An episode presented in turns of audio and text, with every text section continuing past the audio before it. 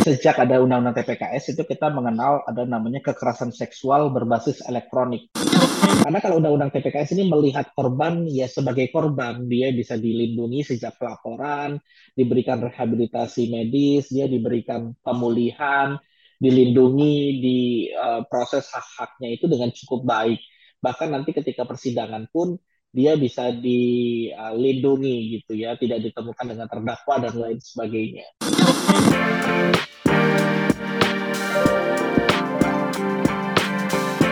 Hai sahabat TCID, kalian sedang mendengarkan podcast Suara Akademia. Ngobrol seru isu terkini bareng akademisi.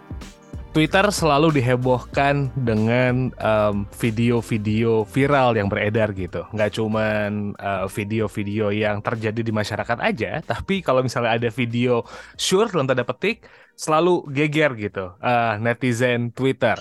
Beberapa waktu yang lalu, salah satu um, public figure yang lumayan terkenal di sosial media um, inisialnya RK gitu ya. Tapi ini wanita bukan cowok gitu dan tidak ada hubungannya sama politik.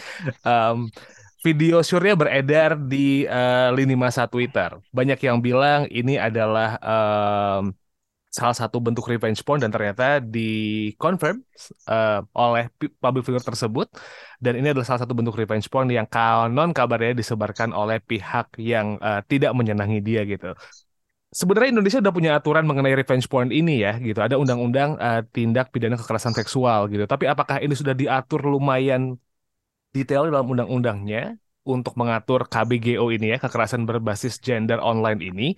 We gonna talk about it khusus mengenai uh, undang-undang TPKS-nya aja, gimana perlindungan korban, gimana pengaturan uh, soal kalau ada kasus revenge porn ini. Di Suara Akademia kita bakal discuss soal permasalahan ini bareng sama Mas Muhammad Fatahillah Akbar dari Fakultas Hukum UGM. I always feel happy to talk to him gitu. Mas Akbar, apa kabar Mas? Alhamdulillah baik Mas. Gimana? Alhamdulillah lancar semuanya. Mas Akbar, kita berbicara soal kasus revenge porn ini deh gitu dan uh, ngelihat berita yang lumayan banyak beredar gitu ya di sosial media bahkan ada organisasi uh, masa yang melaporkan pihak korban gitu sebagai um, apa ya, yang dilaporin aja gitu bahwa dia membuat kegaduhan tanda petik. Anyway, kita ngomongin soal revenge porn dulu deh. Di undang-undang TPKS yang udah disahkan tahun kemarin, sebenarnya diatur nggak sih, Mas?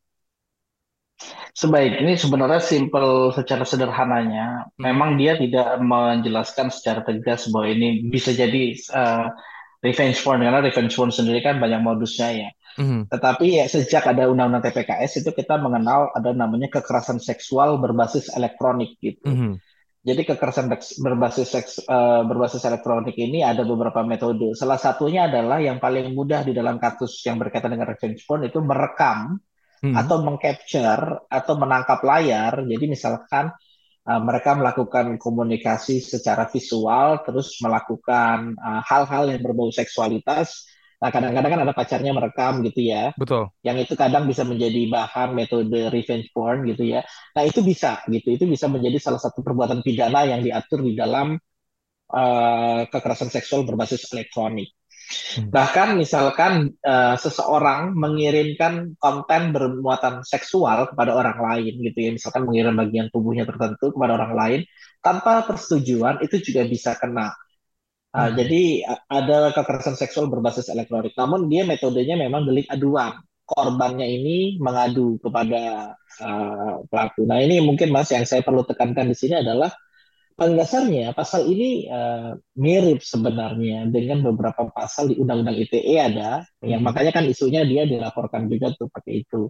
Ada Undang-Undang pornografi. Perbedaan hmm. mendasarnya apa? Kenapa Undang-Undang TPKS ini harus diutamakan? Karena kalau undang-undang TPKS ini melihat korban ya sebagai korban, dia bisa dilindungi sejak pelaporan, diberikan rehabilitasi medis, dia diberikan pemulihan, dilindungi di uh, proses hak-haknya itu dengan cukup baik. Bahkan nanti ketika persidangan pun dia bisa dilindungi gitu ya, tidak ditemukan dengan terdakwa dan lain sebagainya. Jadi kenapa TPKS ini diutamakan? Karena dia lebih menghargai sebagai korban, begitu. I see. Um, pertanyaannya adalah Mas Akbar, kalau misalnya melihat uh, kasus video 47 detik ini yang lumayan rame dijadiin bahan omongan orang gitu kan wanita adalah korban gitu kalau melihat undang-undang TPKS ya. Um, dia uh, karena dia yang posisinya kalau pada saat ngeliat videonya itu direkam gitu dalam tanda petik. Dia um, bukan yang merekam. Tapi ada ormas yang uh, melaporkan dia bahwa ini yang membuat kegaduhan nih. Kalau melihat dari undang-undang tadi yang Mas Akbar sebut itu undang-undang ITE undang-undang pornografi undang-undang TPKS ini gimana nih kok sampai ada ormas yang bilang ini membuat kegaduhan nih ITE dikeluarin ya karena itu masalahnya sudah banyak jurisprudensinya gitu. Hmm. contoh contoh banyak kasus uh, banyak pekerja pekerja seksual dalam tanda kutip ya hmm. yang melakukan hanya di virtual saja ya hmm. itu kan ada yang dia menjual konten-konten bermuatan asusila secara uh, di apa dan mendapatkan keuntungan dan itu sudah banyak putusannya juga terhadap kasus-kasus seperti itu dalam undang-undang pornografi. Uh, jadi ada ada seperti itu atau kasus yang paling terkenal kasus artis Ariel gitu ya hmm. yang yang juga sudah diputus uh, sudah ada putusannya juga dengan konteks konteks seperti itu orang akhirnya teredukasi oh jadi semua yang bermuatan asusila kemudian terupload itu sudah bisa dipidana orang yang ada di dalam videonya dan, hmm. dan itu bisa saya katakan uh, sulit juga untuk disimpang karena dalam pasal 27 ayat 1 Undang-Undang ITE itu pasalnya mudah sekali hmm. mendistribusikan konten bermuatan asusila. Jadi dia hmm. mendistribusikan atau membuat dapat diakses. Contoh kasus yang paling fenomenal dan kontroversial itu kasus Baik Nuril. Hmm. Baik Nuril itu kan ditelepon oleh kepala sekolahnya, mereka berdialog sesuatu yang senonoh lah, tapi istilahnya Baik Nuril itu korban. Jadi dia hmm merekam rekaman itu dia merekam percakapan itu kemudian dari hasil rekaman itu dia temannya upload di Facebook. Hmm. Nah si baik Nuril itu kena padahal dia tidak upload. Hmm. Dia hanya merekam. Cuma kenapa? Karena dia membuat dapat diaksesnya konten asusila, maka dia maka dia termasuk. Nah itu sangat sangat mudah pembuktiannya. Kayak kasus ya akhirnya meredup juga. Kasus Gisel pernah disudik dengan kasus itu juga. Meredup juga ya. Jadi memang ada. Makanya saya katakan uh, eh, TPKS ini kenapa harus diutamakan? Karena dia harusnya leg spesialis hukum yang lebih khusus daripada undang-undang ITE karena kalau pakai undang-undang ITE kelemahannya apa? Korban itu bisa menjadi terpidana juga. Itu memang kelemahannya undang-undang ITE ketika pakai undang-undang ITE misalkan dia setuju nih oke okay, kita direkam setuju dia melakukan apa istilahnya misalkan up lah istilah mahasiswa. Ya. Apa anak-anak muda zaman sekarang kan hmm. pap nih kita pap kirim dia kirim ke pacarnya. Tapi tiba-tiba kan dia yang kirim nih. Hmm. walaupun akhirnya disebarkan oleh pacarnya tapi awalnya dia yang kirim. Nah itu kan kemudian ditakutkan dia bisa menjadi korban. Nah kalau pakai undang-undang TPKS dia bisa diposisikan karena penyebarannya itu di luar kehendak dia dan lain sebagainya dia bisa dikategorikan sebagai korban bahkan kalau pakai kasusnya nah ini tapi kelemahannya di undang-undang pornografi, Mas. Di undang-undang pornografi itu memproduksi, mendownload konten pornografi itu juga perbuatan pidana. Ah, I see. Eh, kayak teman-teman kemarin menge-share itu atau meretweet lah. Misalkan hmm. ada kontennya di Twitter yang seperti itu dia retweet gitu ya. Itu sudah terpenuhi sebenarnya. Tetapi kan dalam dalam konteks ini akhirnya Eh, kita mau melihat seperti apa. Apakah kita kejar saja yang menyebar pertama kali dan merugikan korban atau seperti apa? Karena argumentasi ini satu tambahan argumentasi Siskai ya dalam persidangan itu. Siskai itu kan mengatakan dia itu uploadnya ke OnlyFans, hmm. situs luar negeri dan itu berbayar. Yeah. Situs luar negeri dan itu berbayar. Tapi dia tetap dipidana karena ada orang penontonnya itu upload di Twitter. Mm-hmm. Upload di Twitter dan viral, seperti kasus inilah. Dan itu yeah. viral lah itu bisa kena juga undang-undang pornografi, bisa kena undang-undang ITE. So basically permasalahannya kompleks dong mas. Artinya kalau misalnya kita melihat ada satu video tersebar nih, kalau supaya uh, mel ha? melihat undang-undang, habis itu juga lain-lain, harus ada penelitian kasus yang lebih dalam dulu untuk memastikan bahwa um, kasus ini harus pakai undang-undang apa nih? Karena kalau tadi kayak misalnya pakai undang-undang ITE, undang-undang pornografi, orang yang niatnya mungkin tidak uh, mungkin posisi jadi korban dan direkam itu bisa jadi penjara dong ya kalau kita ngeliat undang-undang TPKS dan undang-undang yang lain ya. Ya, jadi kelemahannya undang-undang ITE dan undang-undang pornografi yang masih ada itu adalah mereka itu bisa me menjadikan korban itu pelaku gitu. Mm -hmm. Faktor kriminogennya tinggi, istilahnya faktor di mana membuat seseorang yang seharusnya dia korban, Hmm. tetapi karena pasalnya itu bisa menjerat banyak orang, nah itu dia bisa menjerat uh, istilahnya dia korban tapi bisa menjadi pelaku gitu. Kayak contoh kasus Baik Nuril yang akhirnya Hmm. diberikan amnesti oleh oleh presiden itu kan menunjukkan bahwa undang-undang ITE itu bisa menyebabkan korban pun bisa dianggap pelaku gitu. Ya, Tinggal bagaimana kita mengkonstruksikan hukumnya. Makanya TPKS lahir, TPKS lahir ini harusnya dibuat spesial. Tapi ini kan kita ini kan teorinya ya. Hmm. Dalam prakteknya pasti kalau dia memilih ah, lebih mudah menggunakan undang-undang ITE kok lebih mudah membuktikan kan gitu. betul, betul, betul, Itu betul. itu yang Jadi pada akhirnya di berbahaya. Ah, di prakteknya banyak yang mengambil shortcut yang lebih gampang aja ya, Mas Akbar ya. Betul, dalam prakteknya memang terlihat seperti itu, cari yang paling gampangnya aja. I see. Nah, kita berbicara soal perlindungan korban nih, eh, Mas Akbar gitu. Tadi eh, nge-mention bahwa ada pihak korban, especially kan biasanya wanita yang mengalami korb- eh, menjadikan korban gitu ya, menjadi korban gitu. Em, Iya, dia video disebar gitu. Dan kalau misalnya dia lapor dengan undang-undang TPKS, lalu misalnya membutuhkan perlindungan, di undang-undang ada garansinya nggak sih? Kayak misalnya, oke perlindungan bentuknya ini nih gitu, diwujudin secara konkret dalam undang-undang nggak sih, Mas? Oh iya iya. Jadi banyak-banyak perlindungan yang disebutkan di dalam Undang-Undang TPKS. Hmm, Seperti misalkan dia akan bisa mendapatkan eh, rehabilitasi medis gitu ya, hmm, dia bisa ke eh, bisa ke secara ke psikolog atau misalkan ada yang secara fisik juga dia bisa, dia bisa mendapatkan rehabilitasi sosial juga gitu eh, dalam konteks tersebut. Bahkan dia bisa dilindungi eh, dalam memberikan keterangannya, dia bisa dirahasiakan identitasnya, dia juga bisa diberikan ganti kerugian. Bahkan ganti kerugian ini bisa dari pelaku memberikan restitusi namanya. Eh, negara juga dia bisa meminta kompensasi dari alat bukti. Bahkan salah satunya juga kenapa yang kayak kita mengesupport korban ada satu kekhususan yang luar biasa juga di sini. Jadi satu, keterangan korban saja kan kekerasan seksual itu kan terjadi pasti tempat yang sepi, tidak ada orang lain dan tidak ada saksi ya. Jadi keterangan keterangan si korban saja itu cukup ditambah misalkan keterangan tambahan ahli psikiater. Itu sudah Hmm, cukup untuk membuktikan bahwa terjadi perbuatan kekerasan seksual. mhm. Itu ya ini sebenarnya diskursus juga dalam dalam konsep dalam konsep hukum pidana ya tentang kebenaran material. Tetapi ya ini tentunya karena dalam kekerasan seksual itu bentuk yang kejahatan yang sangat khusus, jadi dia bisa diberikan.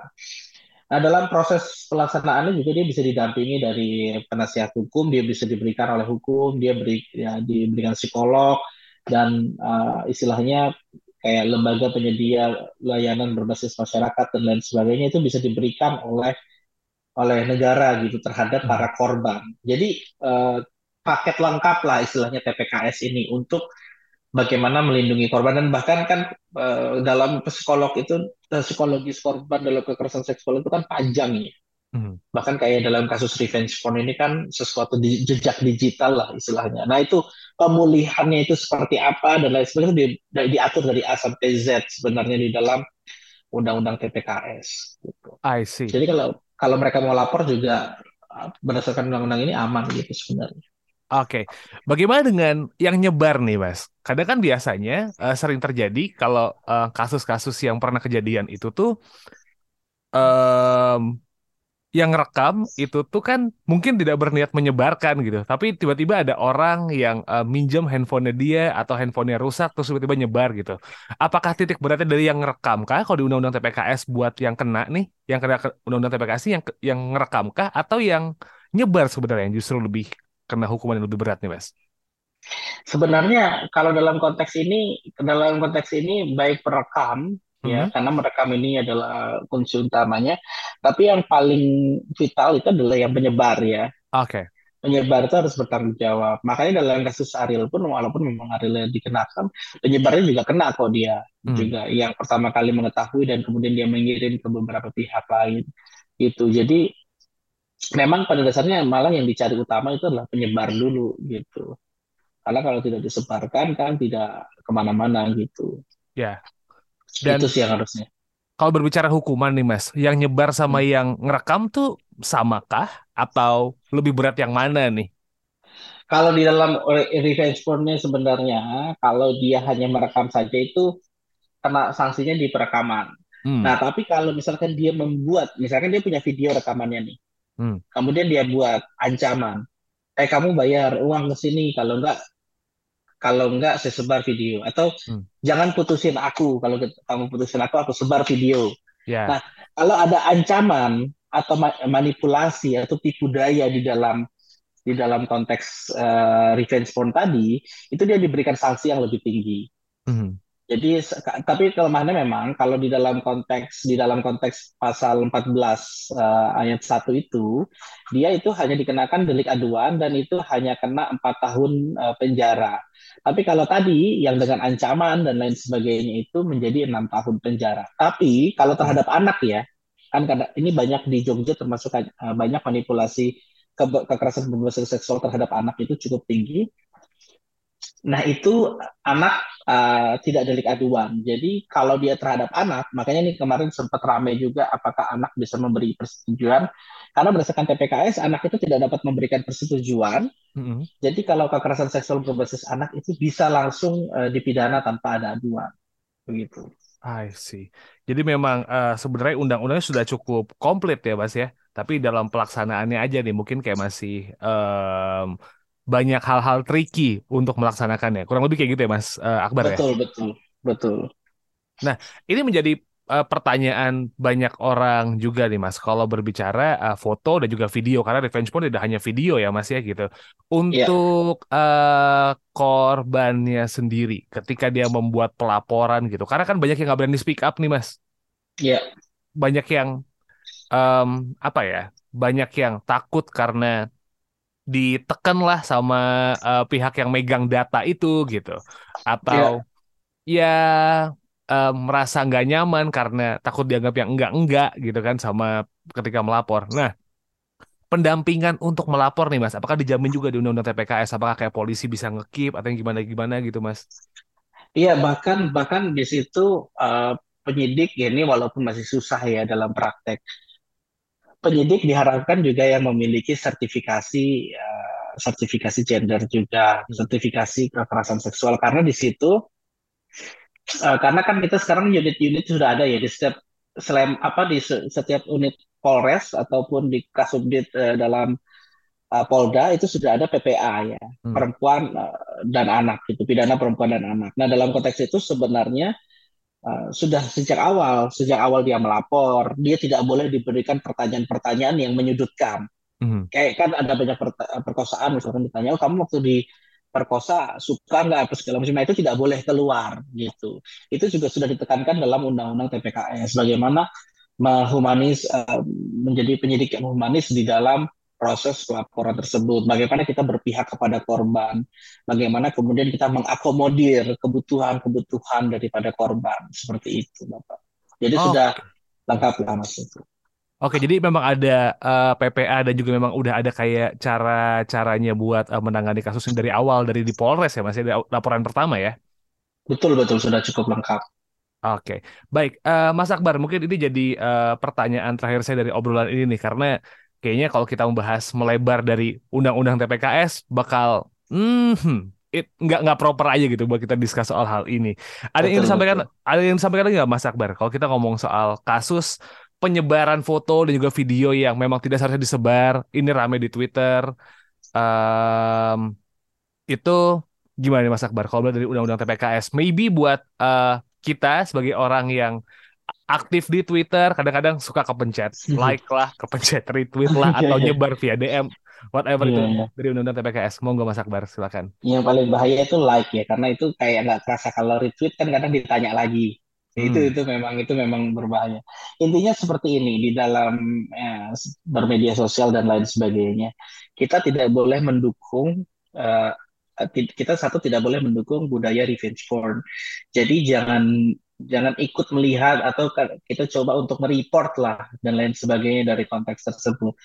Itu yang paling tingginya. Kalau selama-lama imannya paling tidak dari setiap orang yang melakukan hubungan yang berkomunikasi gitu ya coba tidak melakukan hal tersebut gitu hmm.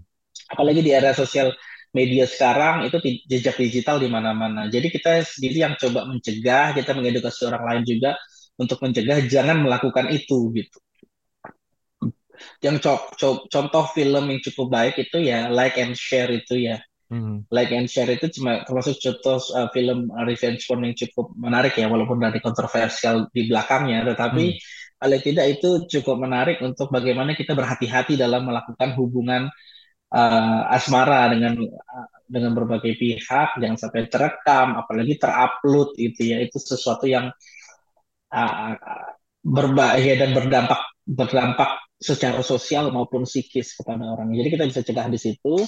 Dan kalau terjadi akhirnya kita harus berpihak kepada korbannya. Bagaimana kita bisa memulihkan korbannya, bukan malah menyudutkan, apalagi melaporkan. Seperti itu. Oke, baik. Kalau begitu terima kasih Mas Fatahillah Akbar dari Fakultas Hukum UGM buat ngobrol-ngobrolnya Mas. Nama saya Muhammad Syarif, saya podcast produser dari TCID. Kita ketemu lagi uh, di episode berikutnya. Wassalamualaikum. Kalian telah mendengarkan podcast Suara Akademia. Ngobrol seru isu terkini bareng akademisi.